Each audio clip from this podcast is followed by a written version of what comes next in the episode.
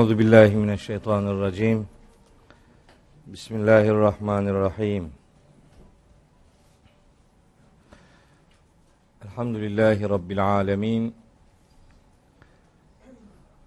Salatu vesselamu ala Resulina Muhammedin ve alihi ve ashabihi ve men tebi'ahu bi ihsanin ila yevmiddin.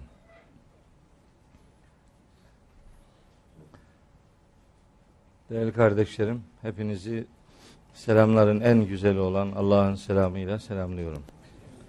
Allah'ın selamı, rahmeti, bereketi, afiyeti, mağfireti üzerinize olsun. Bugün yedinci dersle huzurlarınızdayız. Rabbim bu vesileyle bugün de söyleyeceklerimizi doğru söyleyebilmeyi lütfeylesin. Size de dinleyeceklerinizi doğru dinlemeyi, doğru anlamayı, doğru yaşamayı, hayatımıza doğru bir şekilde aktarabilmeyi nasip ve müyesser eylesin. Bugün nasipse Fatiha suresiyle başlayacağımızı söylemiştik ve inşallah Fatiha suresiyle başlayacağız. O kararlılıktayız. Fatiha'yı size aktaracağım ana konuları belirlerken çok önemli, çok hayati olduğunu düşündüğüm bazı noktalarda sizlerle kanaatlerimi paylaşacağım inşallah. Önce Fatiha'nın genel tanıtımını yapmaya çalışacağım. Ondan sonra Fatiha özelinde ama bütün Kur'an için Kur'an'ı okumada Rabbimizin bize yönelik doğrudan bir emri olan istiaze kavramı üzerinde biraz duracağım. Ondan sonra da Fatiha'nın ve vahyin girişi mesabesinde kabul ettiğimiz besmeleyi sizlere aktaracağım inşallah. Ne kadar becerebiliyorsak, ne kadar başarabiliyorsak onu sizlerle paylaşacağım. Fatiha'yı çok önemsiyorum. Fatiha'dan başlamamızın sebebi adından da anlaşılacağı gibi giriş mesabesinde vahyin kapısını aralayan bir mahiyet arz etmesi nedeniyledir. Fatiha üzerinde söz çok söz söylenen bir suredir Fatiha. Ne kadar? Mesela bu sure nerede indi? Bu surenin inişi bir defa mıdır, birden çok mudur? Fatiha'nın iniş sırası nedir? Fatiha kaç ayettir? Konularının Kur'an'la irtibatı nasıl şekillenir vesaire.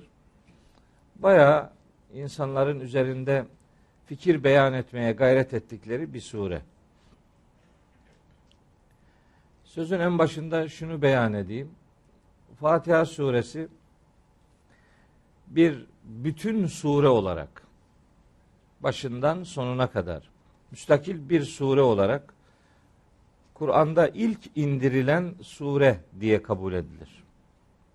İlk indirilen ayetler olarak daha önce bazı ayetlerin indirildiği beyan edilmiş olsa da parça parça ayetler daha önce indirilmiştir deniyor ve böyle kabul ediliyor olsa da bütün halinde başından sonuna kadar sure olarak ilk indirilen surenin Fatiha olduğu kabul edilir. Fatiha'nın konusu itibariyle de ilk indirilen sure olması itibariyle de Mushaf'ın, Kur'an'ın en başına yerleştirilmiştir. O itibarla Fatiha kelimesi hem sureyi açan, hem vahyi açan, hem Kur'an'ı açan kimliğiyle tanıtılır. Fatiha kelime olarak o manaya geliyor. Surelerin Kur'an-ı Kerim'de isimleri var. Sureler isimlerle anılırlar. Sözün burasında çok kısa öyle bir teknik bilgi vereyim. Şimdi surelerin her birinin en az üç tane ismi vardır. Her bir surenin en az üç ismi vardır. Bu isimlerden bir grup isim surenin ayet sayısına göre belirlenir. Ayet sayılarına göre Kur'an'da sureler dört genel isimle anılırlar. Ayet sayılarına göre dört genel isim vardır. Bu isimlerde ilk uzun yedi sureye Es-seb'u tıval derler. Uzun yedili. Bunlar Bakara, Ali İmran, Nisa, Maide, En'am, Araf, Enfal ve Tevbe. Enfal ile Tevbe bir sayılır. Bu yedili Kur'an'ın ilk uzun yedi suresi olarak bilinir. Enfal ve Tevbe birbirinin devamı gibi e, ifade edilir. Hatta Tevbe'nin başında besmele yoktur. O besmelesizliği de Enfal'in devamı olması gerekçesine bağlarlar. Bu doğrusu beni çok ikna eden bir görüş değildir. Hemen antiparantez söyleyeyim. Öyle hiç de birbirinin devamı gibi görünmüyor. Hatta birbirinin devamı olmayı bir tarafa bırakın. Birbiriyle hiç alakası olmayan bir sürü konuları vardır. Ee, başında besmele bulunmamasının sebebini birbirinin devamı olmaya değil de Tevbe suresinin baş tarafındaki o ilk beş ayetin üçünde bulunan hitaba bağlamak lazım. Birinci ayetinde beraetün diye başlıyor. Beraetün ultimatom demektir. Üçüncü ayette ezanun kelimesi vardır. Yani bildirim, uyarı. Beşinci ayet zaten bizim tefsir literatüründe seyf ayeti diye bilinir. Seyf kılıç demektir. Kılıç kesen, kesen bir ayettir bu seyf ayeti. Öyle bir kesen ayettir ki bizim müfessirlerimizin önemli bir bölümü bu ayeti ele almış. Kur'an'daki tam 75 tane ayeti kesmiş. Seyf ayeti, kılıç ayeti nasih bir ayet olarak kabul edilir. Nerede bir din hürriyeti, nerede bir irade hürriyeti vurgusu içeren ayet varsa o ayetleri, o seyf ayeti kesmiştir, nesetmiştir. Öyle kabul edilir. Şimdi ilk beş ayetindeki bu üç ultimatom, bildiri, kılıç, öldürme ile alakalı beyan olunca böyle bir anlamda sert girişleri olan sureye Bismillahirrahmanirrahim ile başlamak sözün söyleniş gayesine çok uygun değildir. Hem Rahman Rahim hem esirgeyen, bağışlayan, merhamet eden hem de son ultimatom ahan bitti işiniz filan gibi böyle bir tehditkar ifadeler Rahman Rahim kavramıyla yan yana gitmez. Hani kurban keserken, hayvan keserken de biliyorsunuz Bismillahirrahmanirrahim demezler. Hem Rahman Rahim hem kesiyorsun. Olmaz o. Onun için Bismillah Allahu Ekber derler.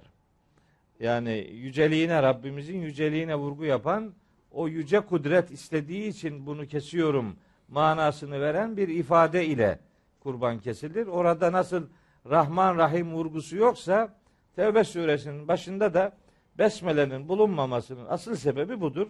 Surelerin birbirinin devamı olduğu şeklindeki görüş değil.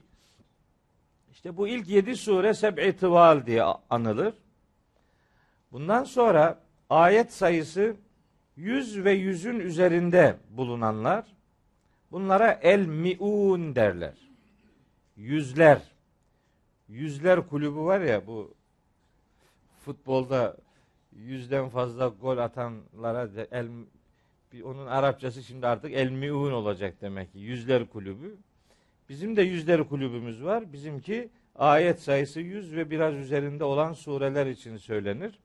Bu ikinci ismimizdir genel olarak. Üçüncü isim El Methani'dir. Methani ayet sayısı yani yaklaşık 150 100 yani 50 100 arası olanlar. Yüzden aşağıya 50'ye kadar o arada. Bunlar çok net ayrımlarda değillerdir. Onu söyleyeyim yani. Her ayet sayısı 50'nin az üzerinde olan mesanidir ya da mesani diye isimlendirilenlerin hepsinin ayet sayısı buna uyar diye bir çok keskin kural yok. Ama bir bilgi e, malzemesi olarak böyle kabul edilebilir. Bu üçüncü genel isimdir. Dördüncü isim ise El Mufassalun diye bilinir. Mufassalun işte kısa kısa fasılalarla bölünmüş sureler demektir. Bu El Mufassalun dediğimiz sureler bunlar da kendi aralarında üçe ayrılırlar. Mufassalun kısa sureler üçe ayrılır. Mufassalı e, üçe ayıranlar derler ki mufassali tıval yani kısa surelerin kısmen uzun olanları. Mufassali evsat kısa surelerin kısmen orta uzunlukta olanları ve mufassali kısar kısa surelerin en kısaları. Bu Kaf suresinden aşağıya olan sureler mufassalun diye isimlendirilirler. Kaf'tan Tarık suresine kadar mufassalı tıval, Tarık'tan Duha'ya veya Fil suresine kadar müfessali evsat, Duha'dan veya Fil'den Nas'a kadar olanlara da müfessali kısa. Böyle ayet sayılarına göre surelerin böyle isimleri vardır. Bir, bu bir isim türü. Bir başka isimlendirme daha vardır surelerde. O da surelerin ya Mekki oluşu ya Medeni oluşu isimlendirmesidir. Sureler ya Mekki'dir ya Medeni'dir. Peki neye göre Mekki ya da Medeni ismi verilir? Bunun da bir usulü vardır. Birkaç yaklaşım ortaya konulmuştur. Buna göre demişler ki Mekke'de indirilenler Mekki, Medine'de indirilenler Medeni'dir demiştir. Ama Mekke'de de Medine'de de indirilmemiş sureler vardır. Öyleyse bu tam kuşatıcı, kapsayıcı bir e, nitelendirme değil. Demişler ki ayetlerin hitabına bakarak kafirlere, müşriklere hitap eden sureler Mekki, münafıklara ve ehli kitaba hitap eden sureler medenidir demişler. Bu da çok kapsayıcı değildir. Bu hitaba uygun olmayan bir sürü sure vardır. O zaman demiş ki bir başka grup ve en çok kabul edilen görüş olarak hicretten önce indirilenler Mekki, hicrette ve sonrasında indirilenler medenidir. En çok kabul edilen ve bütün sureleri de içeren taksimat budur. Hicretten öncekiler Mekki, isterse başka yerde indirilmiş olsun. Hicretten önce, ise Mekki'dir. Hicretten sonra olmak kaydıyla isterse Mekke'de indirilsin, o sure medenidir. İkinci isimlendirme budur. Üçüncü isimlendirme ise her surenin kendine özel ismi vardır. Her surenin. İşte Fatiha, Bakara, Ali İmran, Nisa, Maide. Peki bu neye göre böyledir? Burada bir kural var mı? Hayır. Burada da bir kural yok. Bu isimlendirmelerin bir bölümü peygamberimiz zamanında yapılmış. Bir bölümü daha sonraki işte sahabiler ve tabiiler döneminde yapılmış. Çok önemli bir standardı yok isimlendirmenin. Onun için öyle sureler vardır ki birden çok ismi vardır. Öyle sureler vardır ki iki tanedir, tek adı vardır. Mesela Felek ve Nas surelerinin ortak adı Muavvizetan sureleridir. Mesela Bakara ve Ali İmran suresine surelerine Ez-Zehravan sureleri denilir. Yani iki surenin ikisini kapsayacak tek ismi olanlar vardır. Tek surenin birden çok ismi olanlar da vardır. Fatır suresinin mesela bir adı Melaike suresidir. İsra suresinin bir adı Beni İsrail suresidir. İnsan suresinin bir adı Dehir suresidir. Mümin suresinin bir adı Gafir suresidir. Şemeset suresinin bir adı Tebbet suresidir vesaire. Böyle birden çok ismi olan sureler de vardır. Bu surelere isim verilirken bazen surenin başındaki kelime surenin adı olarak belirlenmiştir. İşte ve necmi vel asri ve tini ve turi ve şemsi ve leyli ve duha gibi baştaki kelime. Bazen baştaki mukatta harfi surenin adı olarak belirlenmiş. Taha gibi, Yasin gibi, Saat gibi, Kaf gibi, Nun gibi. Bazen surenin içindeki bir peygamber kıssasından hareketle o peygamberin adı surenin adı olarak belirlenmiştir. İbrahim, Hud işte gibi, Nuh, İbrahim vesaire pek çok sureler var. Bazen suredeki ilginç bir kelime surenin adı olur.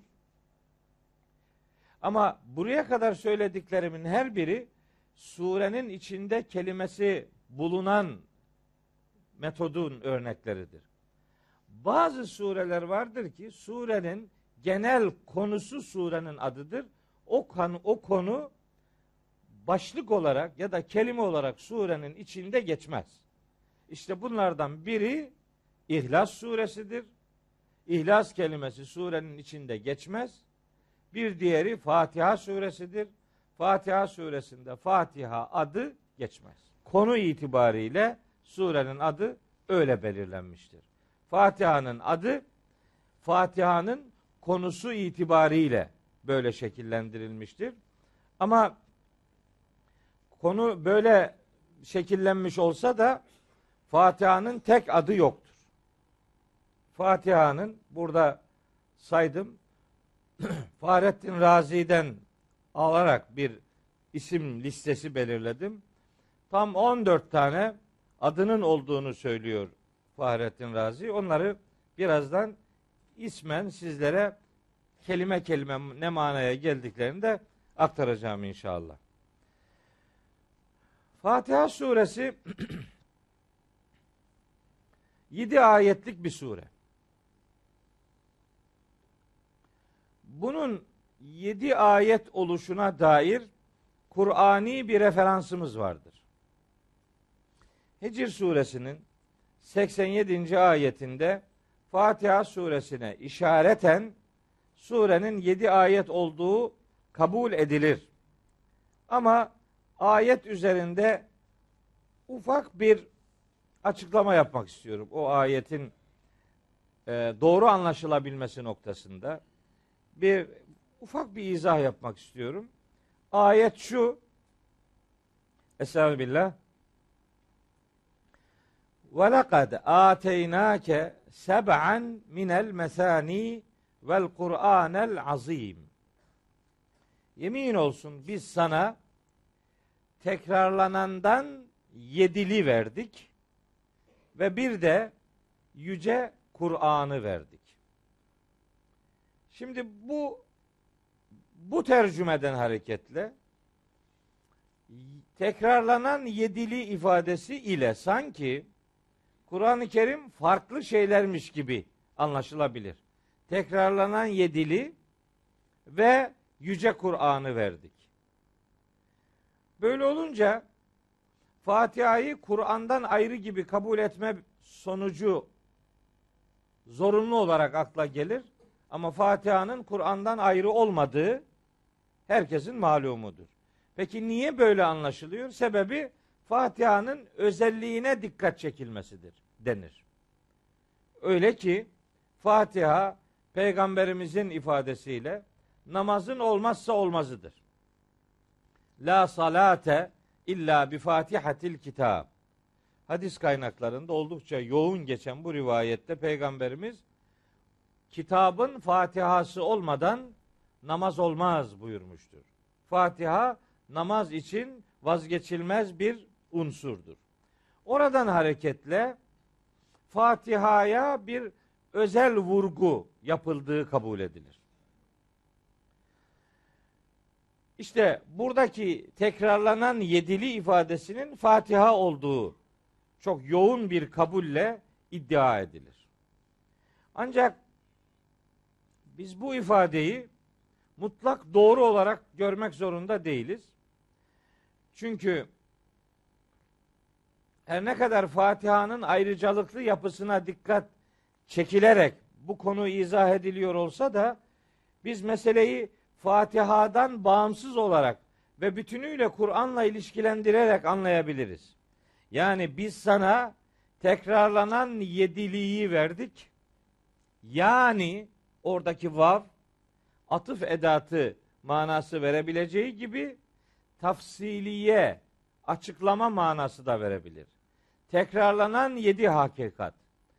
Kur'an'da bu yedi kelimesi, seb' kelimesi bazen rakam olarak yedi manası verirse de genellikle çokluk manası verir. Yedi kat gök mesela bunun bir örneğidir.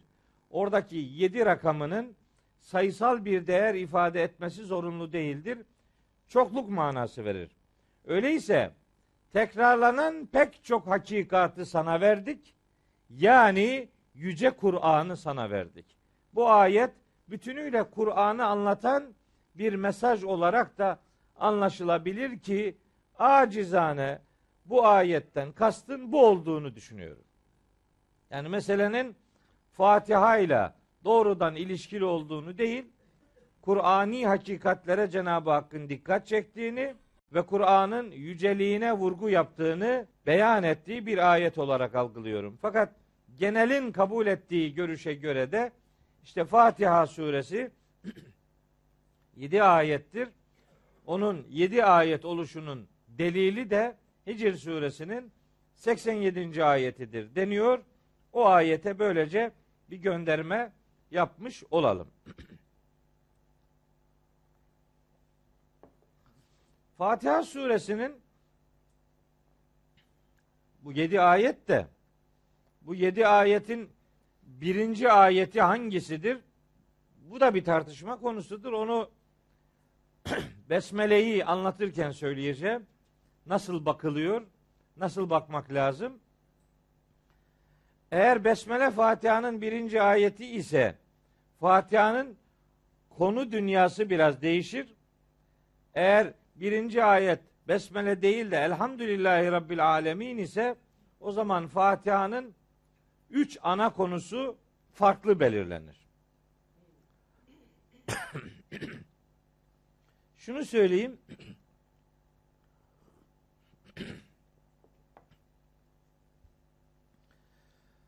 Fatiha'nın birinci konusu hamd konusudur. Bu hamd konusu aynı zamanda Cenab-ı Hakk'ın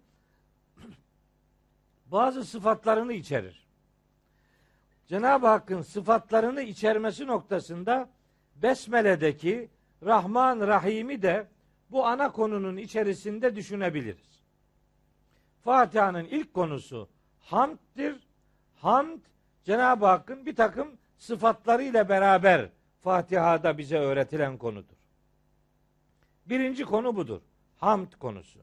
Övgü konusu. Bunun neyi karşıladığını ayeti incelerken ifade edeceğiz. Fatiha'nın ikinci konusu İyyâke na'budu ve İyyâke nesta'in ayetinde beyan edilen bir tevhid konusudur. Kulluk konusudur. Sadece Allah'a ibadet etmek ve sadece ondan yardım talep etmek bir tevhid vurgusu ve kulluk, ubudiyet mesajı verir. İkinci konu budur Fatiha'nın. Üçüncü konusu ise dua konusudur. dua Rabbimizin bize öğrettiği, ondan neyi istememiz ya da kimin gibi olma isteğimiz, kimin gibi olmama isteğimiz. Bunu öğretir Rabbimiz. Fatiha'nın üçüncü konusu da dua konusudur. Bu üç konuyu peyderpey inşallah işleyeceğiz. Şimdi Fatiha denince böyle herkesin dile getirdiği çeşitli isimler var. Bunların 14 tanesini Fahrettin Razi'nin belirlemesine göre e, sizlere aktarmak istiyorum. Yapılan bir yanlışa da bir kısaca e, değineyim isterseniz. Mesela işte cenazelerde veya işte mezarlıklara falan gidince hemen oradaki sunum yapan adam der ki üç kulhu bir elham okuyun der. Üç kulhu bir elham bunu demek aslında şunu demektir. Hiçbir şey okumayın. Çünkü kulhu diye bir şey yok. Elham diye bir şey yok. Üç kulhu bir elham okuyun yani hiçbir şey okumayın demektir. Fatiha'ya elham adını vermek çok korkunç bir cehalettir. Elham diye bir şey yok. Elham ne demek ya? Yani kelime perişan ediliyor böyle bir şey. Hani bu Veysel Karani var ya. Veysel Karani, Üveys el Karani'nin Üveys'inin üsünü atmış, Veys'i almış. El Karani'nin Karani'sini atmış, elini almış, olmuş Veysel. Öyle bir isim olur mu? Yani ne kadar bir bozuk bir bir alıntı. Bu elhamı da öyle yaptılar. Elham. Elham ruhuna elham. Ruhuna elham demek bir şey yapma demektir yani. Kulfu diyor bir de. Kulhu de demiyor. Kulfu. Kulfu ne kulfuzu? Kulfu diye bir şey yok gözünü seveyim ya. Kulfu, kulhu ikisi de yanlış. Bunun adı ihlastır. Öyle isimlendirmeler, uyduruk isimlendirmeler ile uğraşmaktansa kaynağında buna nasıl isimler verilmişse onlardan birini kullanalım. Yaygın isim Fatiha'dır. Fatiha Kur'an'ı açan anahtar demektir. Miftah anahtar demektir. Fatiha'da Fatiha'nın ve Kur'an'ın bir anlamda Kur'an'ın yürekleri açan misyonuna Fatiha da Kur'an'ın açılış kapısına işaret eden bir anahtar mesabesinde bir isimdir. Fatiha'yı Fatiha ismiyle anmak en doğru anma biçimidir. İşte birinci isim Fatihatül Kitab. Kitabın Fatihası. Şimdi bunu yazanlar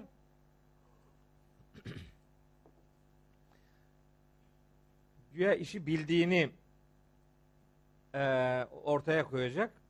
Şimdi bu yazılarda biliyorsunuz böyle şapkalar vardır böyle fa yani a'nın üzerindeki o inceltme işareti aslında meddi tabiidir yani. Fa diye uzatacaksın. Adam diyor ki madem bunu uzattık ha'dan sonrakini de uzatalım. Fatihatül kitap. Olmaz. Yani önüne gelen her yere şapka koyamazsın. Bu, Arapçada bir meddi tabiinin karşılığıdır. Meddi tabii varsa onun üzerine şapka koyacaksın. Yoksa yoksa yok. Fatiha mesela yazıyor adam. Felak suresi şimdi Nas'ta var ya Nas'ta A'nın üzerinde inceltme var. İhlas'ta A'nın üzerinde inceltme var. Beyim o orada gaza geliyor. İhlas'ta var. Nas'ta da varsa felak onun üzerine de koyuyor bir tane. Olmaz. Felak diye bir kelime yok. Veya alak suresi yapıyor. Alak diye bir kelime yok. Bu inceltmeler birer meddi tabiinin karşılığıdır. Bilerek koymak lazım. Bilmiyorsan bari hiçbirine koyma. Böyle alakasız alakasız medler efendim ihdas etmenin bir alemi yok. Fatihatül Kitap Bakın bir şey daha söyleyeyim. Fatiha yazdık ya oraya H'den sonra A. O aslında Arapçada kalın sessiz harflerin üstün harekesi A diye yazılır. Türkçede, Latin harflerinde kalın sessizler A ile yazılırlar.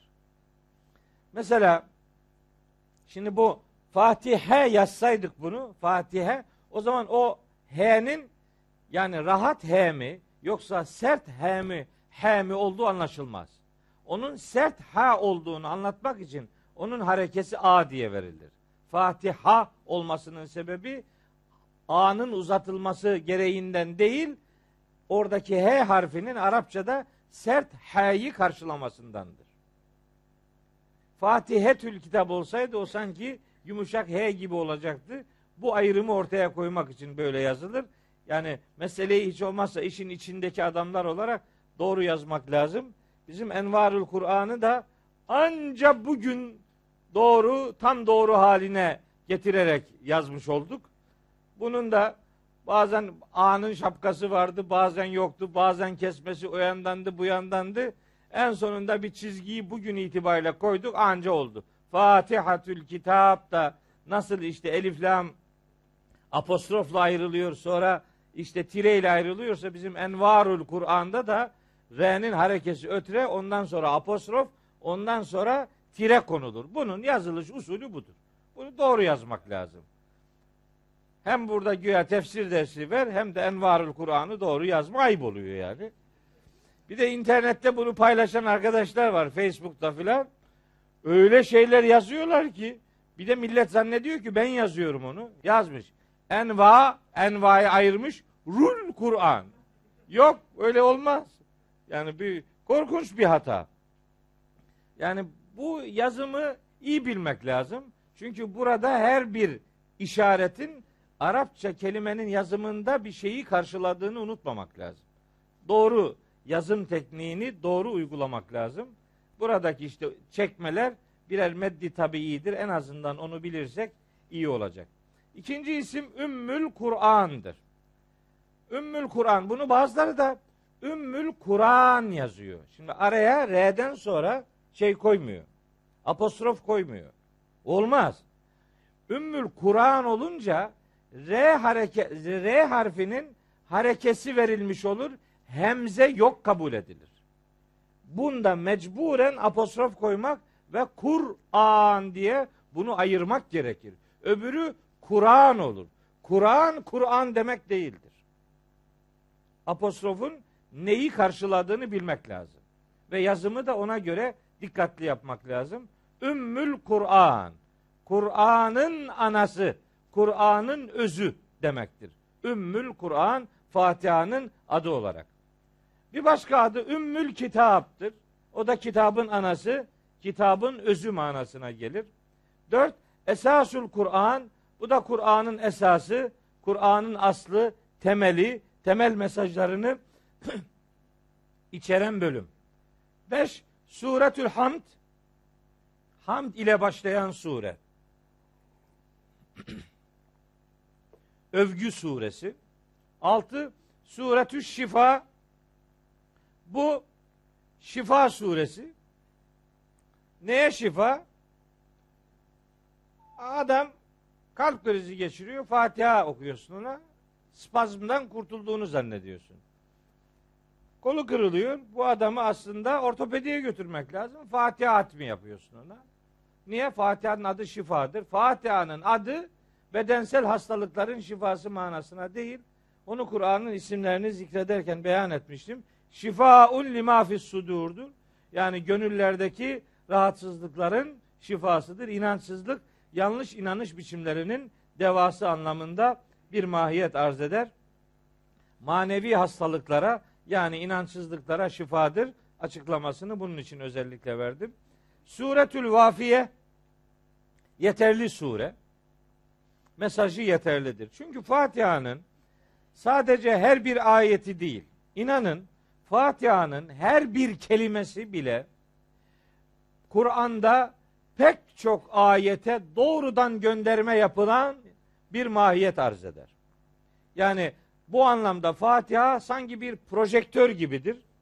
Her bir kelimesi, her bir cümlesi Kur'an'da onlarca, yüzlerce ayete ışık tutar. Vafiye denmesinin sebebi bunu okuduğunuz zaman diğerlerini de zımnen mananın içerisinde bulunduruyorsunuz demektir.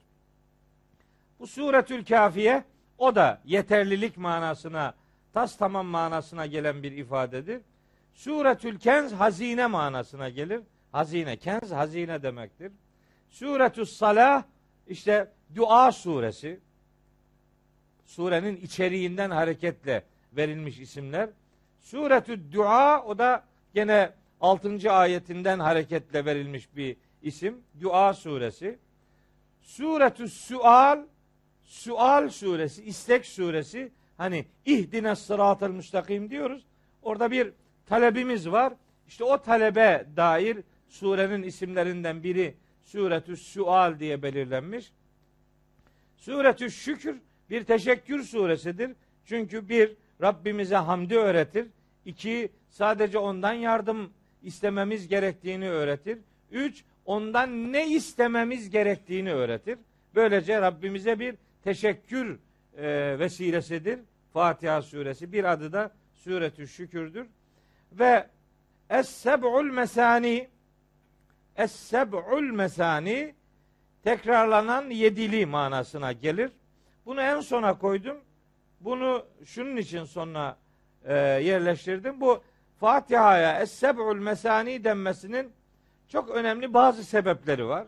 O sebepleri paylaşayım diye o ismi en sonda e, hatırlatayım istedim. Es-seb'ul mesani tekrarlanan yedili demek bu. Tekrarlanan yedili. Ne demek? Es-seb' yedi manasına geliyor. El mesani'nin övme manası var. Sena, fena, el mesani övgü manası içeren bir kelimedir. Burada yarısına kadar ayetlerde kulun Rabbini övmesi vardır. Yarıdan sonra da Rabbimizin kuluna ikramı vardır. Böyle bir övgü içerikli sure olduğu için buna Es-Seb'ül Methani denilmiş. Birinci gerekçe bu. İkinci gerekçe tekrarlanan yedili nerede tekrarlanan yedili manasını verir?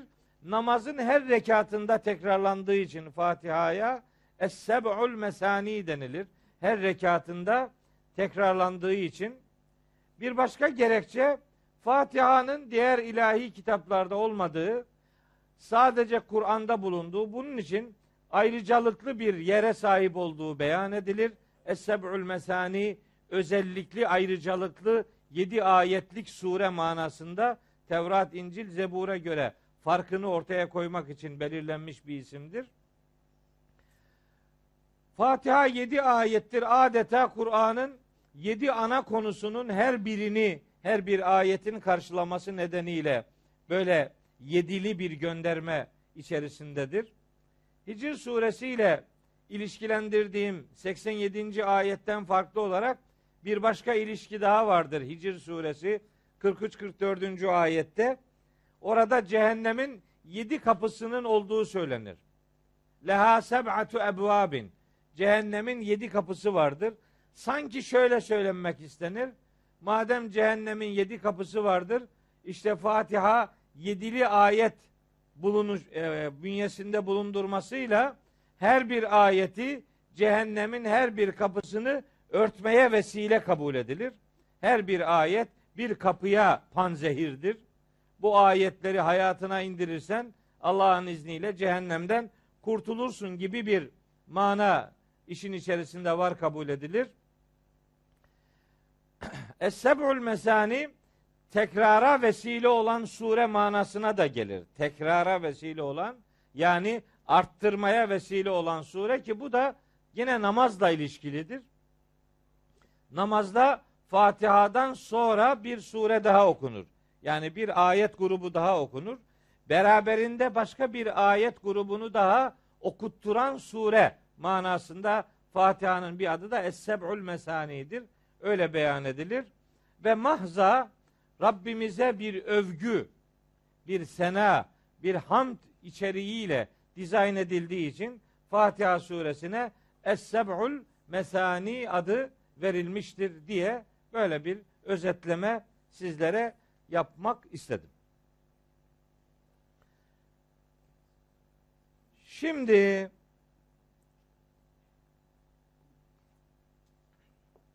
Fatiha'ya başlama niyetindeyiz bugün.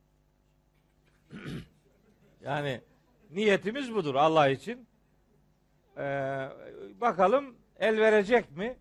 İnşallah el verecektir. Bu istiazeyi çok önemsiyorum. Niye biliyor musunuz? Bizim bu derslerimiz aslında bir istiazedir. Bu dersler bir istiaze duyarlılığıdır. Yani biz Rabbimizden bir talebin muhataplarıyız. Bir talep içerisindeyiz ve Cenab-ı Hak'tan isteklerimize sadece onun karşılık vereceğine inanıyoruz. Bu isteklerimizi de Rabbimizin bize gönderdiği Kitabullah'ı hayatımıza taşıyarak ortaya koymaya gayret ediyoruz. hayatımıza taşıyabilmek için önce onu anlamak durumunda olduğumuzdan hareket ediyoruz. İstiazemiz bir sığınma. Derslerimiz bir yardım talebi, bir sığınma mantığıyla işleniyor. İstiaze kelime olarak hani ben hemen her ayeti okurken çok önemli bir sebep yoksa ayeti okumadan önce Estaizu billah derim. Bu ne demek? Niye bunu derim? Estaizu billah Eûzu billahi mineşşeytanirracim cümlesinin kısaltılmışıdır. Eûzu billahi mineşşeytanirracim şu demek. Kovulmuş şeytandan Allah'a sığınıyorum demektir. Peki niye bunu diyoruz? Niye bunu diyoruz? Bunu dememiz için Rabbimizin bir emri var Kur'an-ı Kerim'de. O emre uygun hareket etmek için bunu söylüyoruz. Nedir emir? Kafa karıştıracak bir şey söyleyeceğim. Kafa karışacak yani. Ne dedik? Karışmayan kafadan hayır gelmez dedik. Kafanın mutlaka karışması lazım. Karışık kalmamak kaydıyla. Karışıklıklarını Kur'an'ın gidereceğini beyan ederek. Geçen ders söylemiştik. Kur'an'ın işlevlerinden, fonksiyonlarından biri ihtilafları ve karışıklıkları gidermektir. Kur'an bu karışıklıkları gidermek üzere gönderilmiş bir ilahi sesleniştir. Şimdi bak. Nahil suresinin 98. ayeti işte yazdım. Bunları burada yazıp göstermek iyi, iyi oluyor mu yoksa boşu boşuna mı? Yani isterseniz yazmayabilirim yani. Ama not alırken görüyorsunuz. İşte çok da yani güzel bir e, font ile yazıyoruz. Güzel seçiliyor yani Allah için. Yani böyle hani böyle birbirine karışık karma karışık okunmayan bir şey yok. Arapçada özel bir font seçtik. Onlardan e, anlaşılsın diye. Kitabın manasını zaten ümmet anlamıyor. Bari yazdığımızı görsün hiç olmazsa. Her haliyle anlaşılmazlığa terk edilmesin diye böyle ayan beyan bir sunum yapıyoruz.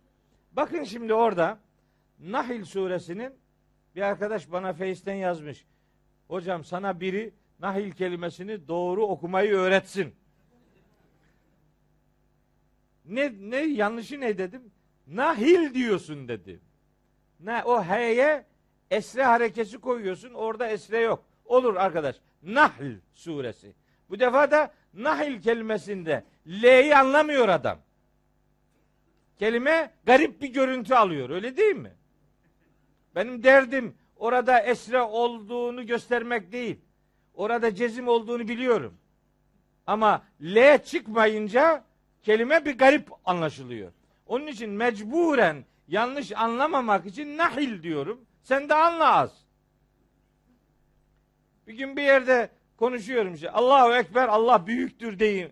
Böyle tercüme edilmelidir deyince bir tanesi çıktı. Hocam Ekber ismi tafdil değil mi? Evet dedim.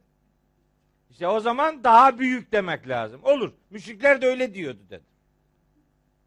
Yani birine bir şey diyeceğin zaman az hesap et. Bu adam bu yani ayıp oluyor yani. Allahu Ekber ya. Nahl, nahl kelimesi. Öyle diyeyim, öyle anlasın o arkadaş her kimse. İşte o surenin 98. ayetinde Rabbimiz buyuruyor ki Estağfirullah fe izâ qara'tel Kur'ane festaiz billahi mineşşeytanirracim. Kur'an kıraat ettiğin zaman kovulmuş şeytandan Allah'a sığın. Ha, bu bir emir. Açık bir emir. Öyle pazarlık kaldıracak bir emir değil. Şimdi birlikte düşünelim. Namaz kılarken Fatiha namazın parçasıdır dedik. Fatiha Kur'an'ın bir parçasıdır dedik.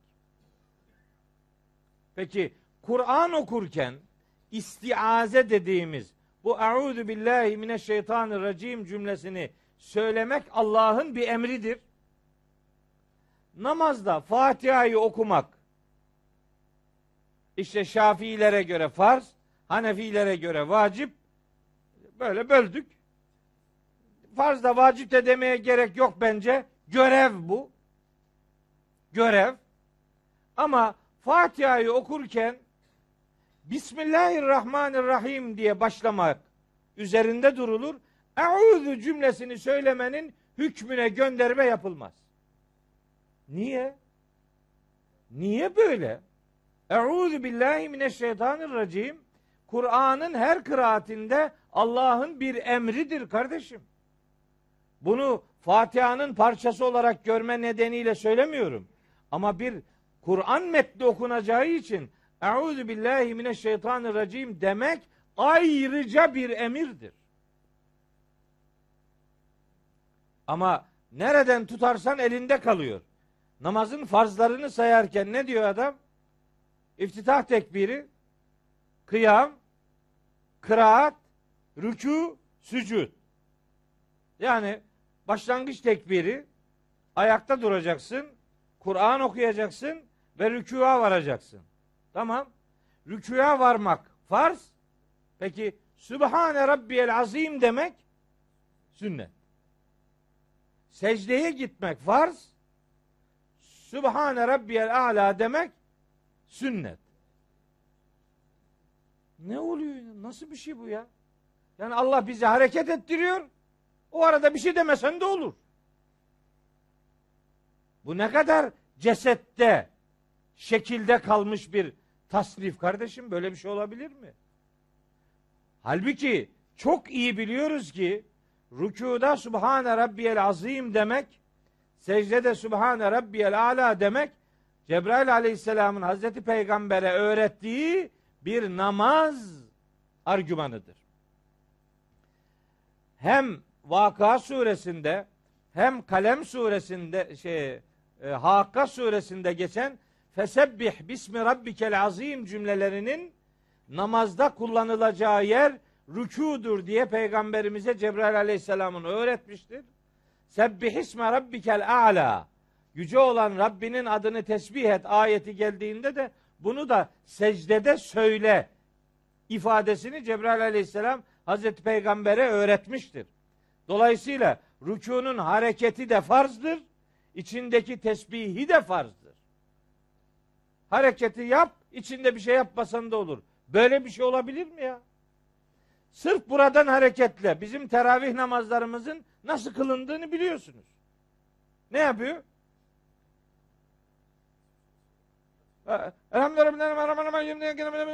Dalin. Dalinde duruyor. Nefesi bittiği için duruyor.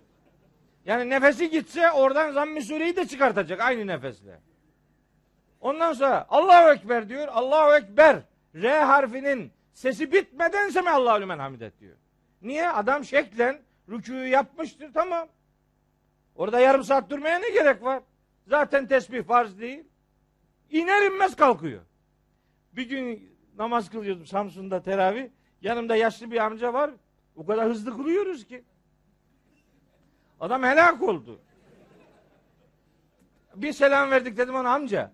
Sen şimdi ayakta rüküye varacağız ya. Evet dedi. Sen orada rükünün orada dur biz geliyoruz dedim.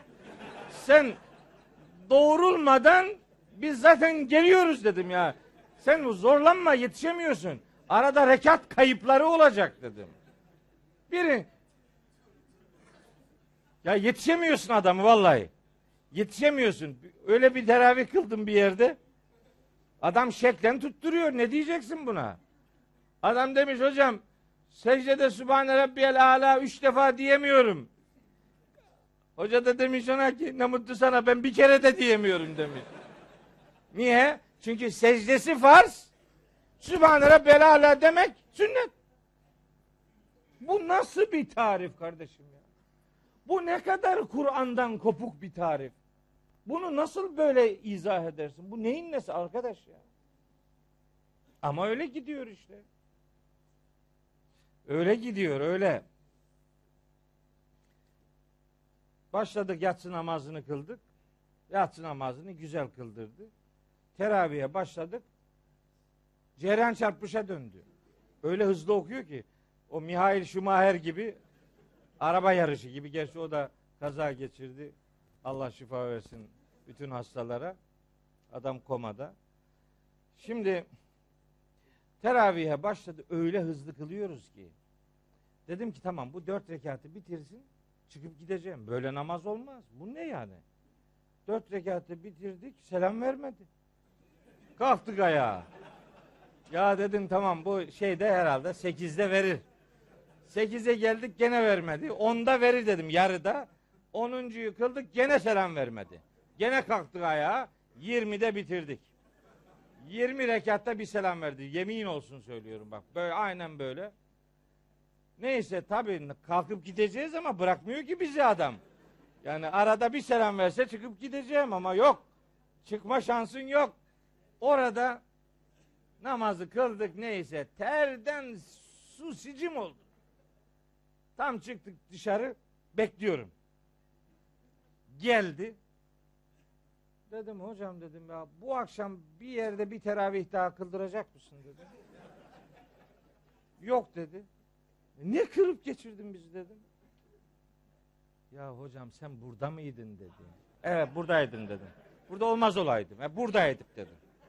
Ya bu nasıl bir namaz kıldık dedim ya. Bu nasıl bir şey bu ya? Kim kimi kandırıyor arkadaş? Yapma gözünü seveyim ya.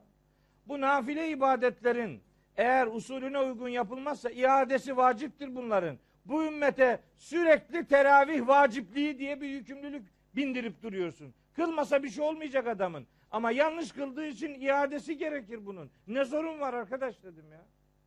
Hocam dedi vallahi dedi ben burada böyle kıldırıyorum diye ta Samsun'da Nuri hocam bilir. Ta Atakum'dan Kurupelit'ten cemaat geliyor. Adam 10 dakika daha erken namaz bitecek diye yarım saatlik yoldan geliyor. O yanındaki yanı başındaki camide belki 3 dakika daha fazla duruyordu. 4 dakika daha işte. Adam diyor ki müşteri böyle istiyor. Öbür camiler boş onunki ağzına kadar dolu. Nedir? Bütün mesele şekil tutturalım. Ruhu olmasa da olur. İşte namazın içindeki bakın Fatiha'yı okumak namazın parçasıdır. Euzu billahi mineşşeytanirracim demek sünnettir diyor. Ama iyi ama ay, hakkında açık ayet var gözünü seveyim. Yani bunu nasıl görmezlikten gelirsin? E, görmüyor işte. Rüküye varmak farz. Sübhane Rabbel Azim demek sünnet. Demesen de olur yani. Neye tartışmışlar? Üç kere mi diyeceksin, beş kere mi diyeceksin? Üç kere deyip dördüncü, beşinciye gelince seyir secdesi gerekir. Niye? Niye? Çünkü senin secdeye gitmen farzdı. Orada ne fazla durup duruyorsun? Gittin tamam kalk. Orada üç kere beş kere olur mu? Uzatırsan secdedeki duruşunu öbür rekatın farzını geciktirdiğin için seyir secdesi gerekir. Bak bak mantığa bak. Böyle anlatıyor şimdi. Ya büyük hocalık oluyor şimdi bunu anlatınca. Niye seyir secdesi gerekir? Öbür rekatın farzı geciktirildiği için. Ha büyük ustalık. Sen rükunun içini doldurmamayı becermemişsin. Uzun mu tuttun, kısa mı tuttun? Oradan nere varacaksın kardeş? Secdeyi önce bir anla. Rükûhu bir önce bir anla. Ondan sonra ondan sonra Allah'ı uzunca tesbih etmenin bir sorun içermediğini kolayca fark edersin. Ya işte rükû farz, tesbihi yapmasan da olur. Fatiha'yı okumak görev, eûzü cümlesine gerek yok. Bu ayet ne olacak? Bu ayet. Bu ayet ne olursa olsun. Bununla ilgilenmiyor. Acizane nerede bir ayet okuyacaksam orada bu ayetin gereği doğrultusunda Estaizu billah cümlesini söylemeye özen gösteririm. Nedir istiade? İstiade bir sığınma ifadesidir. Eûzu. Hani Felak ve Nas surelerindeki Eûzu'nun işte Nahil suresinde 98. ayette istiade kalıbından gelen cümlesi. Allah'a sığınma, ondan yardım talep etme manasına gelen bir emir. Burada söylenmek istenen şudur. Bir insan Kur'an kıraat ettiği zaman şeytan onun başına musallat olur. Kur'an'ı tilavet ederken şeytan seninle pek uğraşmaz. Niye? Çünkü tilavette çok genel olarak insanlar manayı anlamıyorlar. Onlar Kur'an'la irtibatını ses titreşiminden ibaret bırakıyor. Siz bilgisayarın başına şeytanın üşüştüğünü hiç gördünüz mü? Şeytan bilgisayarla niye uğraşsın ki? Bilgisayar mekanik bir okuma yapıyor. Şeytan ondan hiç rahatsız olmaz. Ne kadar istiyorsan oku. Değil mi? Hatimler dağıtılıyor değil mi? Kaç tane bir şey bilmem kaç bin tane hatim yaptık. Yap. Sorun değil. Şeytan oralara uğramaz yani. Ya yapabilirsin. Yeter ki anlama. Anladığın zaman o depreşiyor. Bakın ayette fe izâ qara'tel Kur'ane diyor. Başka ayetler de var. Mesela Araf suresinde var. Ve izâ kuri'el Kur'anu festemi'û leh. Ve ansitu lealleküm turhamun. Kur'an kıraat edildiği zaman ona kulak verin, sesinizi kesin ki merhamete uğratılasınız. Kur'an'ın kıraat edilmesi şeytanı rahatsız eden bir eylemdir. Kur'an'ın tilavet edilmesiyle değil, kıraat edilmesiyle ilişkilendirilmesi bu şeytandan Allah'a sığınma görevinin orayla ilişkilendirilmesi Kur'an'ın anlaşılmasından şeytanın rahatsızlık duyduğunu bize öğretmek içindir. Ha bir insan peygamber bile olsa Kur'an'ı kıraat ederken şeytanın müdahalesinden kurtulamayacağını bilmelidir. Allah'ın yardımı olmadan şeytanın müdahalesinden kurtulamaz. Ne olursa olsun Allah'tan yardım talebinde bulunmalıdır. Buradaki ilk emir Hazreti Muhammed'e aleyhissalatü vesselamadır. Ona yönelik bu emir ümmete haydi haydi emirdir. Fakat şeytanın yanı başınızda olacağı zaman Kur'an'ı kıraat ettiğiniz zamandır. Bunu özellikle vurgulamak durumundayız. Bunu unutmamak durumundayız. Bizim yaptığımız iş işte istiaze gerektiren bir iştir. Yani bizatihi istiazenin fiilen hayata yansıtılma biçimidir. Çünkü Kur'an'ı anlamaya çalışıyoruz. Şeytan çok uğraşır bu eylemlerle. Bunu yapanların başına üşüşür. Her türlü fitne fücuru gündeme sokar. Çünkü bilir ki burayı dağıtırsa başka yerlerde sonuç almak artık çok kolaydır. Yeter ki Kur'an anlaşılmasın. Onun derdi, bütün meselesi budur. O itibarla istiazeyi Müslümanların çok iyi anlaması gerektiğine inanıyorum. İstiazenin kıraatle ilişkisinin mantığını kavramak durumunda olduğumuzu beyan ediyorum. İstiaze Kur'an'ın anlaşılmasıyla alakalı muhteşem bir yardım talebidir. Cenab-ı Hakk'ın yardımını yanı başımızda hissetme rahatlılığı ve huzurudur. İstiaze Mustafa hocamızın bir ifadesi var. Onu özellikle beyan etmek istedim. Akleden kalbe manevi abdesttir diyor. Şimdi bizim Mustafa hocanın böyle acayip cümleleri var. Bunlar nasıl söylüyor hala anlamış değilim. Bir gün dedim ki ya bunu sana biri söylüyorsa söyle ona bize de söylesin. Yani bunlardan aklına geliyor bunlar arkadaş yani. O kadar güzel bir cümle ki şimdi bu.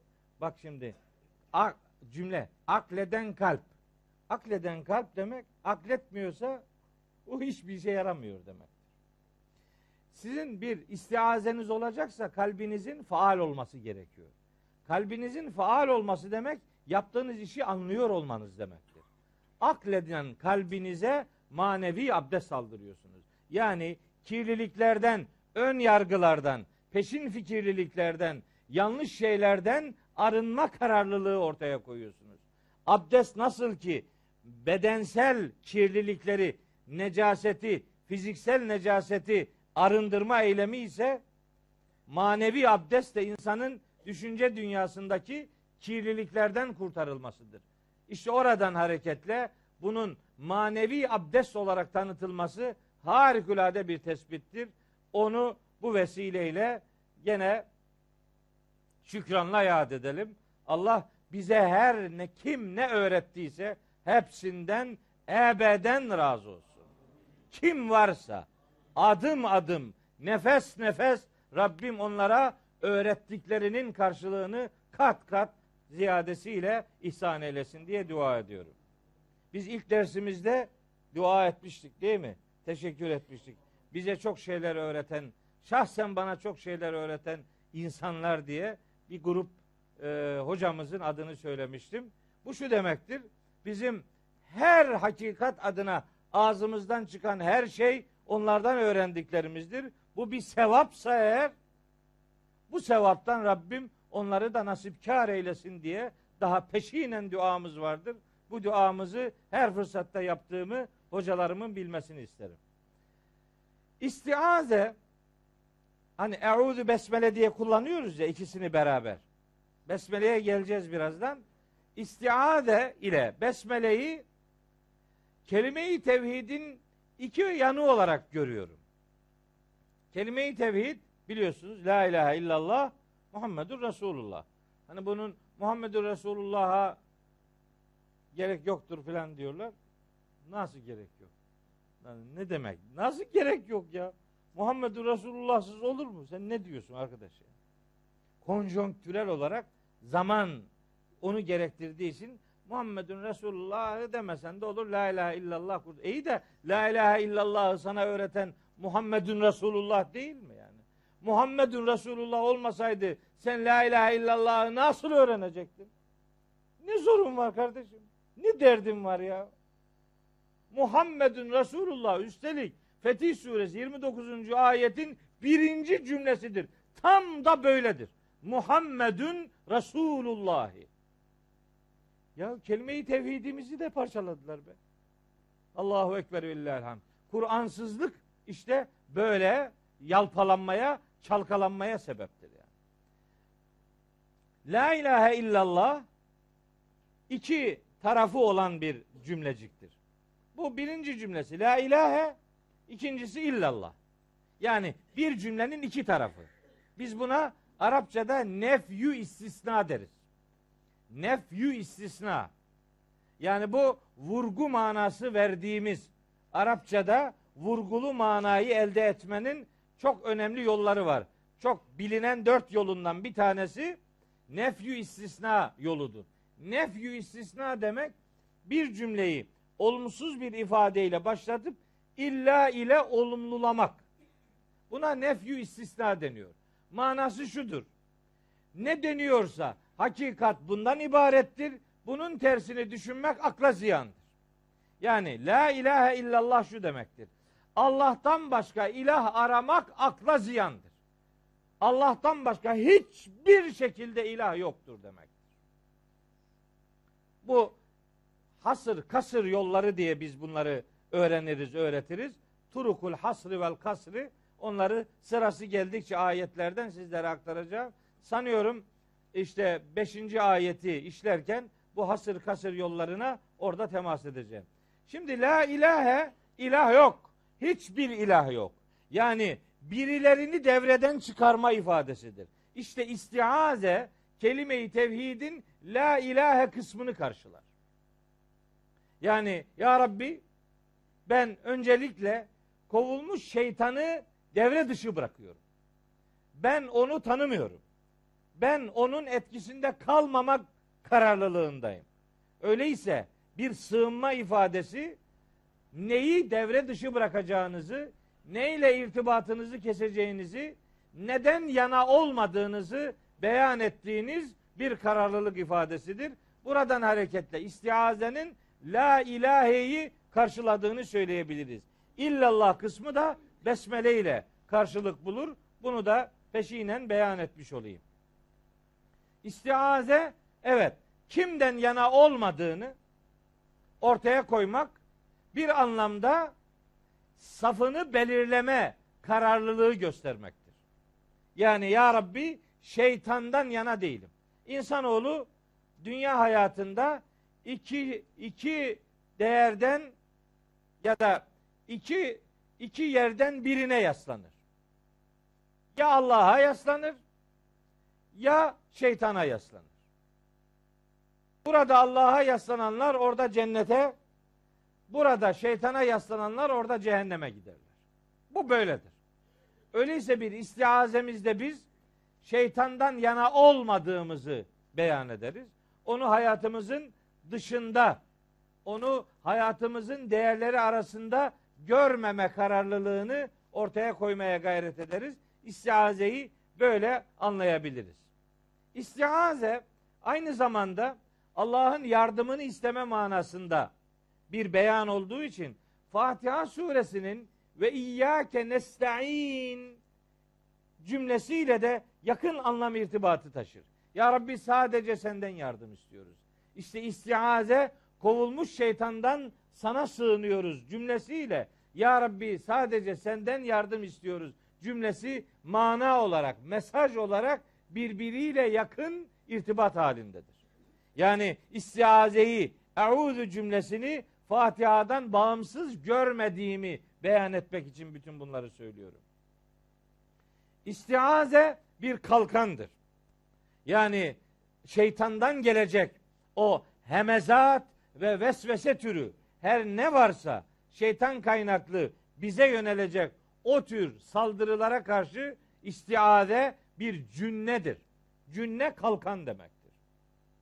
Allah'ın yardımıyla şeytana karşı durma kararlılığımızda sahipsiz olmadığımızı bize öğretir istiaze cümlesi. Sahipsiz değiliz. Ben bana yeterim demek aldanmanın ta kendisidir. Bir insan biraz önce ifade ettim. Peygamber bile olsa Allah'ın yardımı olmadan şeytanın vesveselerinden kurtulamaz.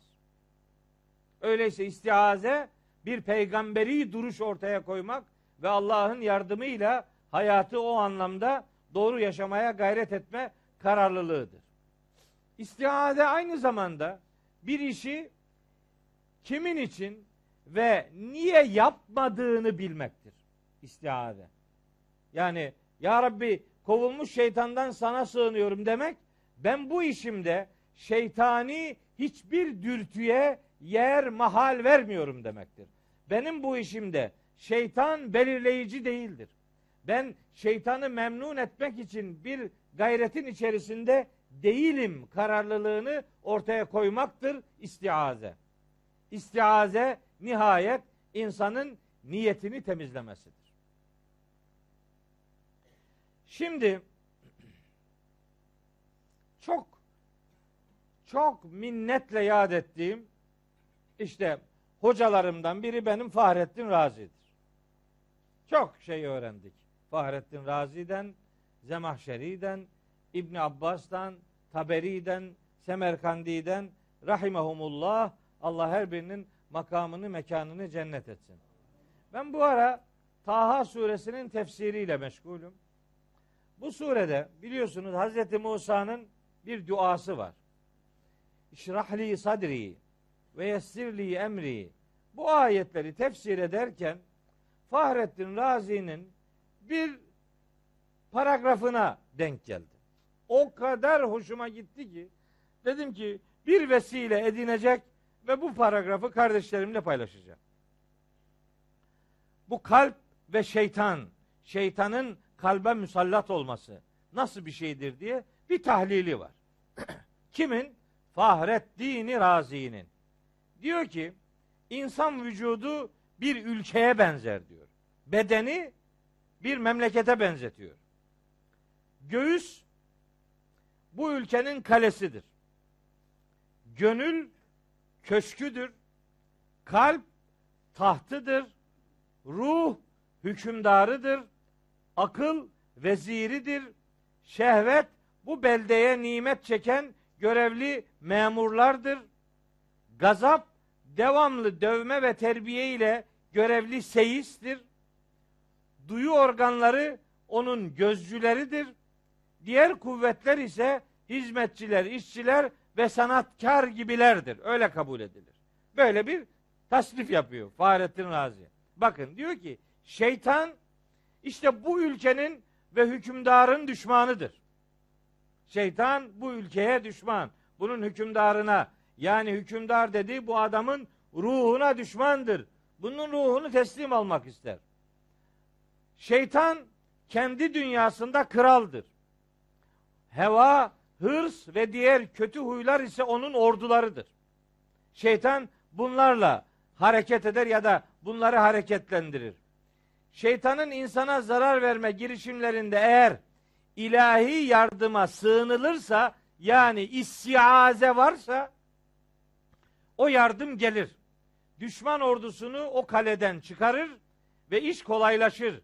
Göğüs genişler, şeytanın karanlıkları çıkar, Allah'ın hidayet nurları insanın içine dolar ki işte Hazreti Musa'nın Rabbim benim için göğsümü genişlet duasıyla kastedilen budur. Ya be kardeşim. Bu kadar mı bir güzel tefsir olur ya?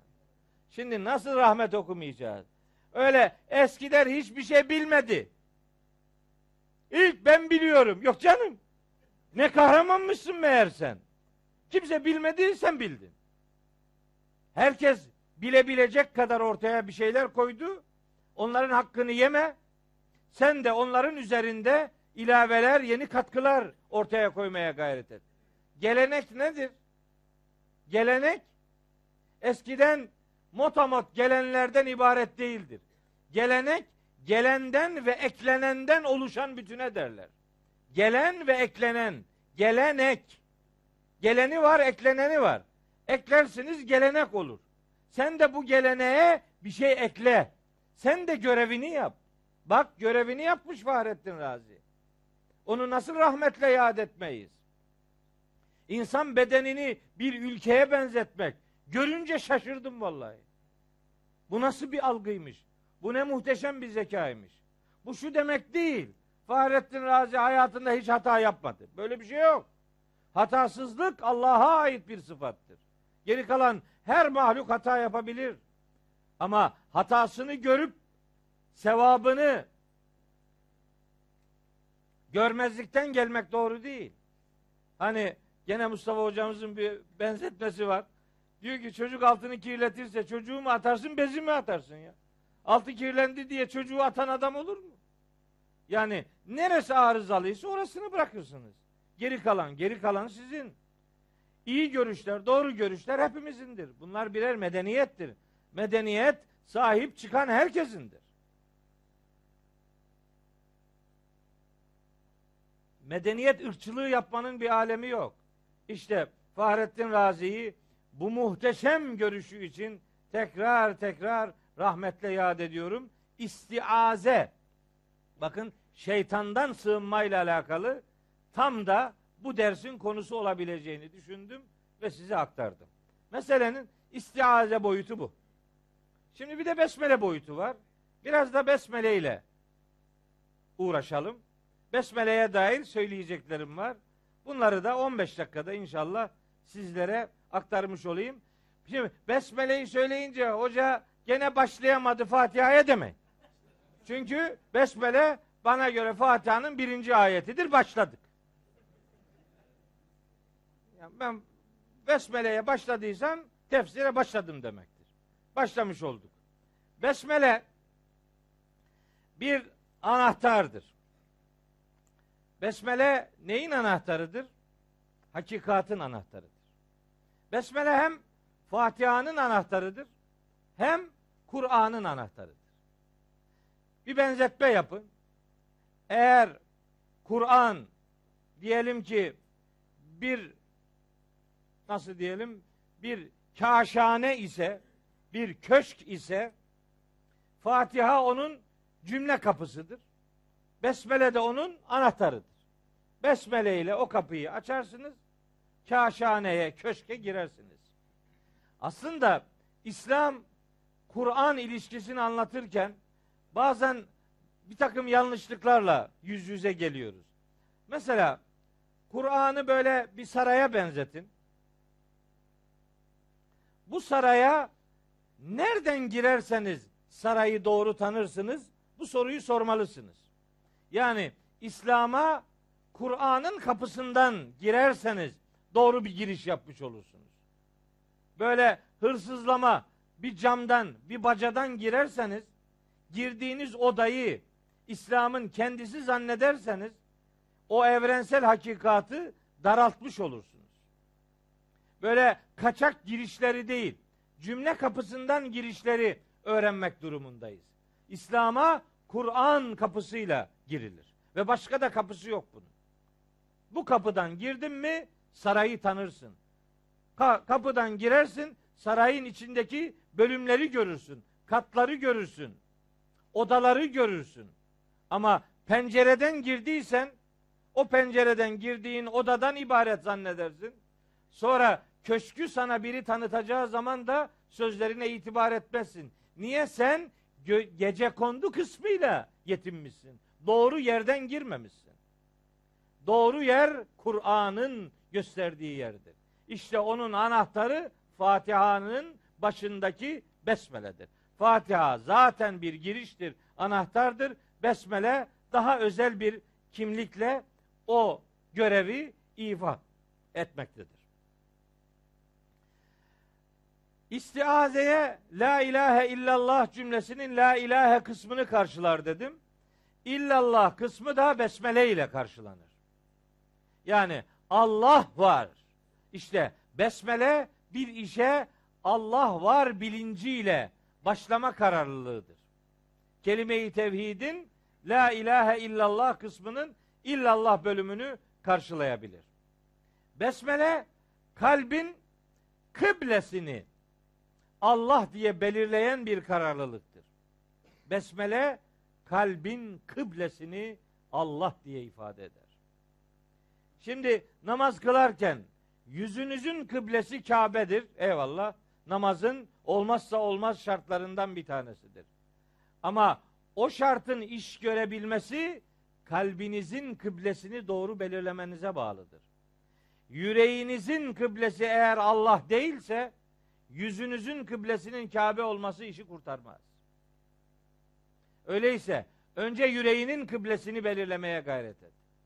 Sırf bunun içindir ki Bakara 177. ayette Leysel birra en tuvellu vucuhekum kibelel meşriki vel mağrib Yüzlerinizi doğu ve batı taraflarına çevirmeniz asıl iyilik değildir diyor Allahu Teala. Asıl iyilik nedir? Yüreğini Allah'a bağlamaktır. Yüreğinin kıblesini Allah diye belirlemektir. İşte besmele bu kararlılığın, bu bilincin ifadesidir. Besmele her işte Allah ile yaşama bilincini öğretir. Zaten din insana Allah'la yaşamayı öğreten kurumdur. Din Allah'ın müdahil olmadığı bir alan ve zaman bulunmadığını öğreten bir kurumdur. Öyleyse besmele Allah'la yaşamayı öğretir.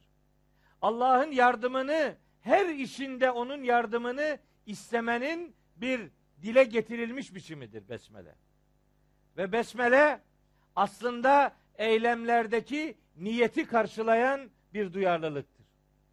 Niyetiniz neyse eyleminiz ona göre isim alır.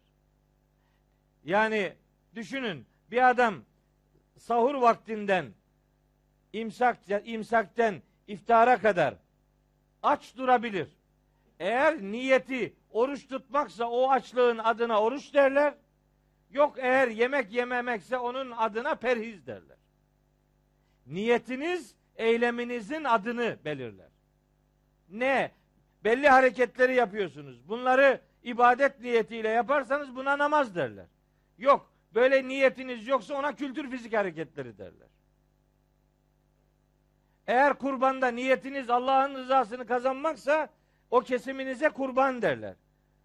Kurbanınız sizi Allah'a kurbiyetin vesilesi olur. Yok derdiniz bu değilse et yemek olur işte. Niyet eylemi belirleyen çok önemli bir unsurdur. İşte besmele eylemlerdeki niyeti karşılar. Telefon mu çaldı yoksa Esed'den ezan mı okunuyor? Benim telefon fıkralarımı biliyorsunuz ha? Telefon çaldı mı anlatacaklarım vardı. Besmele bu cümlelerin bir kısmı bana aittir. Kendim böyle zihnimi yorarak bir şeyler üretmeye çalıştım. Bir kısmı hocalarımdan öğrendiklerimdir. Hangisi hangi hocadan öğrendim bunu karıştırıyorum. Onun için toptan teşekkür ediyorum yoksa ne yapayım yani? Her cümleden sonra adamın adını nasıl söyleyeceksin? Buna çare yok. Ama buna bu bana ait. Karınca misali Allah'tan yana olmanın ve Allah'la birlikteliğin ifadesidir besmele. Karınca biliyorsunuz hani yangına su taşırken sen bu cürmünle Nereye su taşıyacaksın? Sen zaten oraya ulaşamazsın ki. Temsilen beyan edilin, edilir ki karınca safımızı gösterelim demiş. Niyetimizi kimden yana olduğumuzu gösterelim. Maksat budur. Besmele kimden yana olduğunu ortaya koyma kararlılığıdır. Karınca misali bir duruş gösterir. Evet, besmele hayatı bilinçli yaşamanın ve Allah adına farkındalığın Kur'anca bir ifadesidir. Ve besmele peygamberler tarihinin ortak anahtar cümlesidir. Hz. Nuh gemiyi yapıp onun harekete geçmesi aşamasındaki bir sözü ile besmeleyi kullanmış bir ulul azm peygamberdir. Ne dedi? Ve kâle estağfirullah ve kâle erkebu fîhâ bismillahi mecraha ve mursaha. Mecraha. Bunu nasıl okuyoruz? Burada ne var? Burada kıraatle ilgili önemli bir sanatımız var. İmale sanatı derler ona. Mecraha diye okumazlar bunu. Nasıl okurlar? Mecreha diye okurlar. Niye? Bunun bir sebebi var. Laf olsun diye ağzını eveleyip böyle yan, yan yanman yapmıyor yani. Bunun bir anlamı var. Bu anlamları fark etmeyip de işte işin şekline mahkum olanlar var. Mesela Yusuf suresinde bir işman var. Galu ya ebana ma leke la te'menna diye bir ifade var.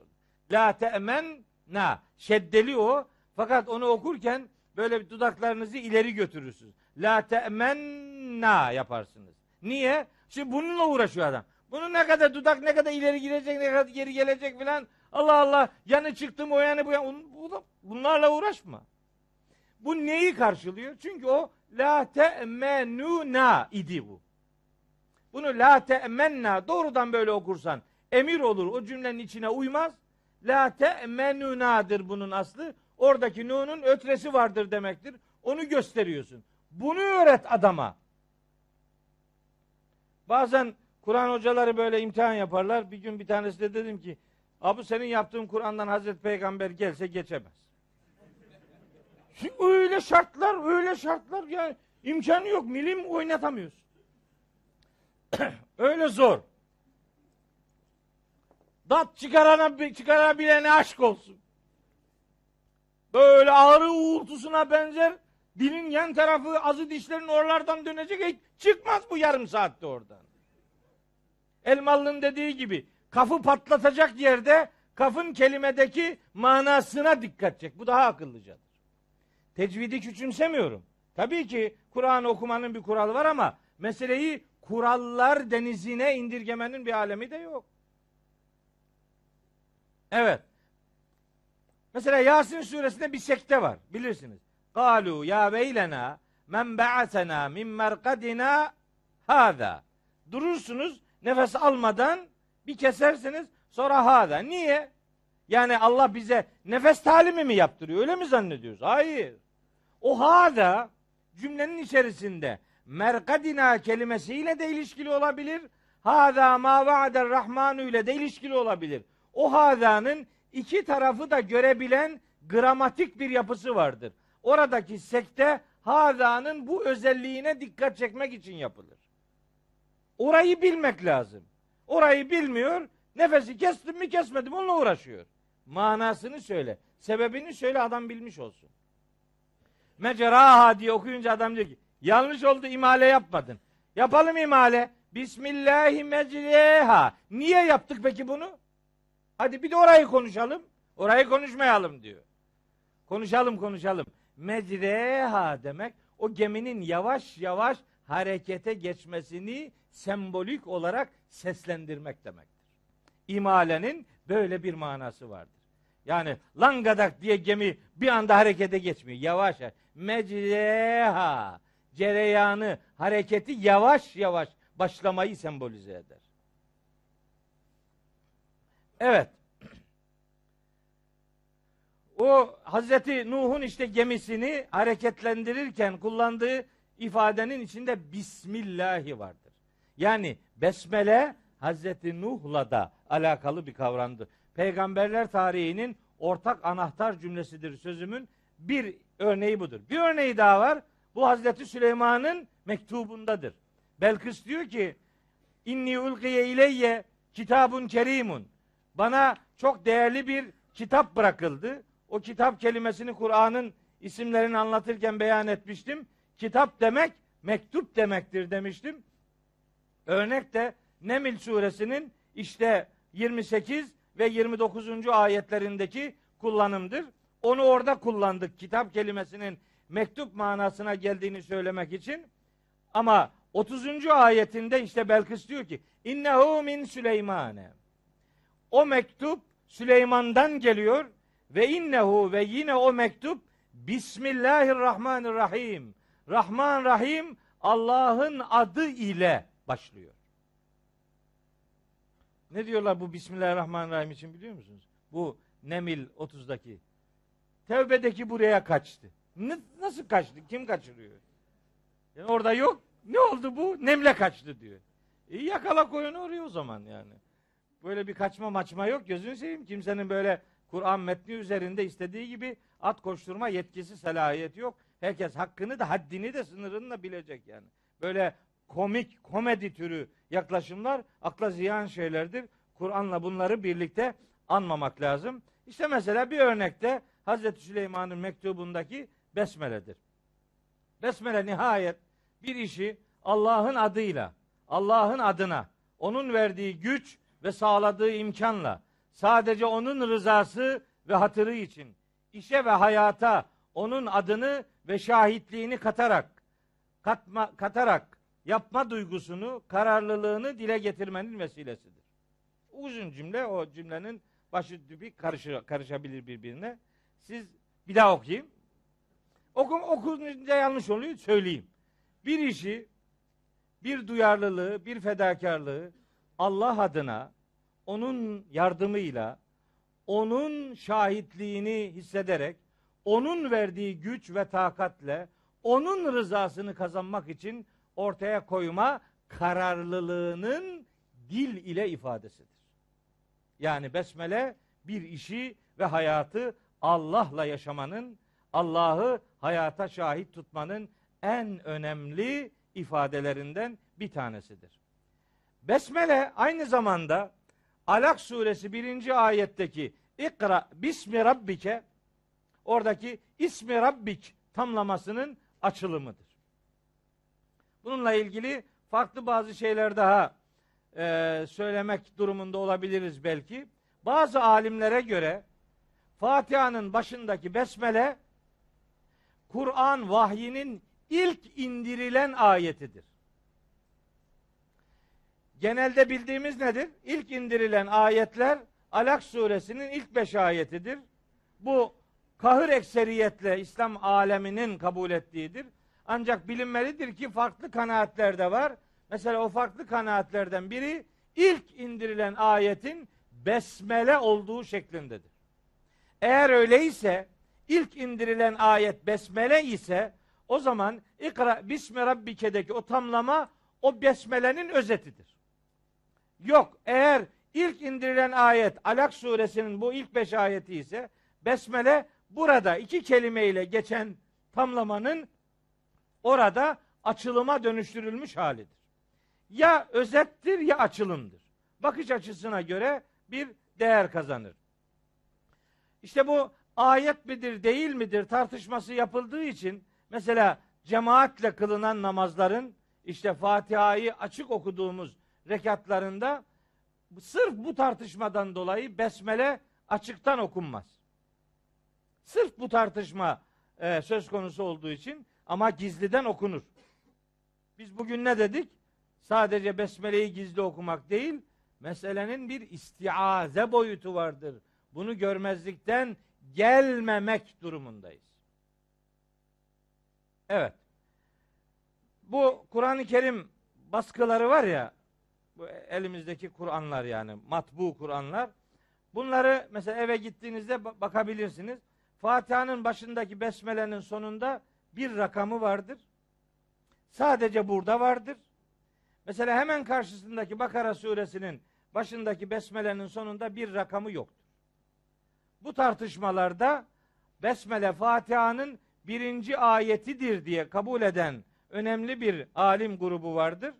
Onların görüşüne efendim saygı duyularak Fatiha'nın başındaki besmelenin sonuna bir rakamı rakam olarak yazılmış. Diğerlerinde de teberrüken bu besmele tekrar edilmiştir. Bu çok önemli bir meseledir. Niçin? Çünkü eğer besmele müstakil bir ayet ise ve her surenin başındaki de bu müstakil ayetin tekrarı ise o zaman Kur'an'ın ayet sayısı 6348'dir. Yok. Bir tanesi Fatiha'nın başındaki ayet, diğerleri teberrüken yazılmış 112 tanesi teberrüken yazılmış ise o zaman Kur'an ayetlerinin toplam sayısı 6236'dır. Besmele hariç sayı 6236, Besmele dahil sayı 6348'dir. Şimdi meseleyi bunun üzerinde şekillendirdik. Besmele'nin hayatla ilgisini ortaya koyduk. Bütün işlerimizi Allah adına ve onun şahitliğiyle, onun verdiği güç ve takatle, onun rızası için yapma kararlılığımızı ortaya koyduğumuz bir bilinç, bir niyet ifadesidir dedik. Ama Besmele'yi de, başında bulunduğu Fatiha'yı da ölümün ve mezarlığın konusuna dönüştürdük. Hayata başlamak için indirilmiş bir Fatiha suresini mezar taşlarının ayrılmaz parçası yaptık. Hayata Fatiha denen bu misyonu ruhuna Fatiha diye ölüme ve mezarlığa terk ettik. Fatiha ölülere değil, hayattakilere okunsun diye indirilmiştir. Çünkü Fatiha bir bilinçtir. Bir başlangıcın anahtar cümlelerini oluşturur. Hayatı kimin adına yaşayacağımız duygusunu bize öğretir. Başındaki besmele ile beraber. Biz onu o misyonunu bıraktık. Hayata ve faaliyetlere başlamanın iksiri olsun diye önümüzde duran bu muhteşem cümleyi ölüme ve ölülere terk ettik. İşte yaptığımız yazık ki buraya döndü. Peygamberimiz sallallahu aleyhi ve sellemin besmele ile ilgili söylediği bir hadisi var. Yaklaşık mealen onu beyan ederek bugünkü dersi bitireyim. Buyuruyor ki Peygamberimiz besmele ile başlamayan her işin sonu verimsiz olacaktır. Öyleyse hayatımıza ve her hayırlı işimize besmele ile başlamak bizim besmele ile diyalogumuzu sıcak tutma kararlılığımızın bir göstergesidir. Teknik olarak çok çok kısa iki dakikada bir şey daha söyleyip haftaya burayla yeniden irtibat kurmama adına bu teknik, bu teknik bilgi. Bismillahirrahmanirrahim ifadesi başlarken bunun başında gizli bir ebtedi'u veya ibtedi kelimesi var kabul edilir. Yani Rahman Rahim Allah'ın adıyla başla bu Allah'ın bir ifadesi olarak kabul edilebilir. Ya da peygamberimizin ifadesi ve Kur'an'ı okuyan herkesin bir duyarlılığı olarak ebtedi'u Bismillahirrahmanirrahim. Rahman Rahim Allah'ın adıyla başlıyorum. Bunun bir ikra versiyonu da vardır. İkra Bismillahirrahmanirrahim. Akra'u Bismillahirrahmanirrahim. Allah'ın adı ile oku veya Allah'ın adı ile okuyorum. Böyle başında bir ikra veya iptedi gibi bir kelime var kabul edilir. O bismideki B harfi bir bağ manasına, Arapçada ilsak diyoruz biz buna. Bir bağ manasına gelebileceği gibi sebebiye manası da var. Yani Rahman Rahim Allah'ın adı ile diye de tercüme edilebilir. Rahman Rahim Allah'ın adına diye de tercüme edilebilir. Rahman Rahim Allah'ın aşkına, onun sebebiyle manasına da gelebilir. O B harfinin anlam çeşitliliğinden istifade ederek. Ve isim kelimesi ad manasına gelebileceği gibi yücelik manasına da gelir. İsim kelimesi Arapçada sümüv kökünden gelir. O kökten geldiği için Rahman Rahim Allah'ın adıyla denebileceği gibi Rahman Rahim Allah'ın yüceliğiyle, onun yüceliğine sığınarak, onun yüceliğinin bir devamı olarak ben işte şu şu şu yapacağım, okuyacağım, başaracağım gibi isim kelimesinin yücelik manası bulunduğunu beyan etmiş olalım. Allah lafzının özel bir ad olduğunu unutmayalım. Bunun lafzatullah diye Rabbimizin özel ismi Allah'tır. Bunu özene bezene Rabbimizin özel seçtiğini düşünüyorum. Şahsen kelimenin herhangi bir kökenden gelmediği kanaatindeyim. Yükseklik manasına gelen elehe kökünden geldiği iddia ediliyor. Kabul edenleri vardır. Ama acizane kanaatim Allah lafzının Rabbimizin özel adı olduğudur. O kadar önemli bir kelimedir ki bu. Bunun hangi harfini alırsanız geriye kalan gene Allah'ı anlatır. Lillahı. Li baştaki li'yi alın. Geriye ilah kalır. Allah manasına gelebilir.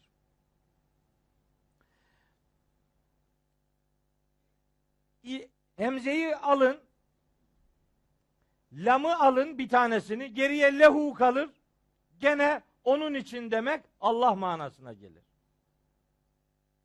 Hemzeyi alın. iki L'yi alın. Hu kalsın. Hu müstakil olarak Allah demek. Yani kelimenin neresinden bakarsanız bakın Allah'ı tarif eden, Allah'ı bize anlatan bir e, nezih yapıya sahiptir. Öyleyse Allah kelimesini tercüme etmemeye özen göstermeliyiz.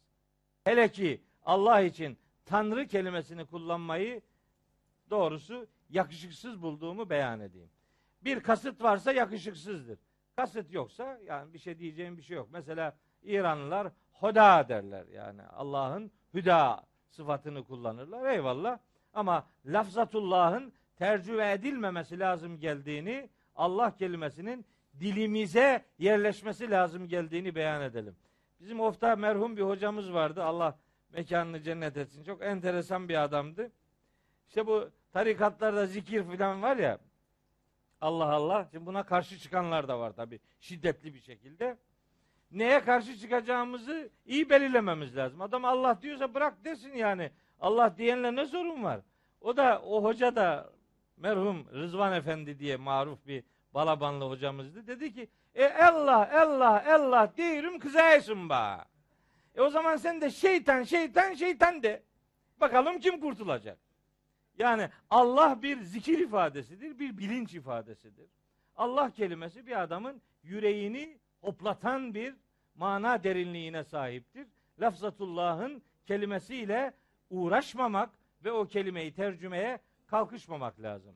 Kalan Rahman Rahim sıfatlarını Esma Hüsna derslerinde yoğun bir şekilde işlediğiniz için hasılı tahsille meşgul olmama adına sözü daha fazla uzatmak istemiyorum. Zaten bir 10-12 dakika geçirdiğimizin farkındayım ama şahit olsun Rabbim Fatiha'ya başladık.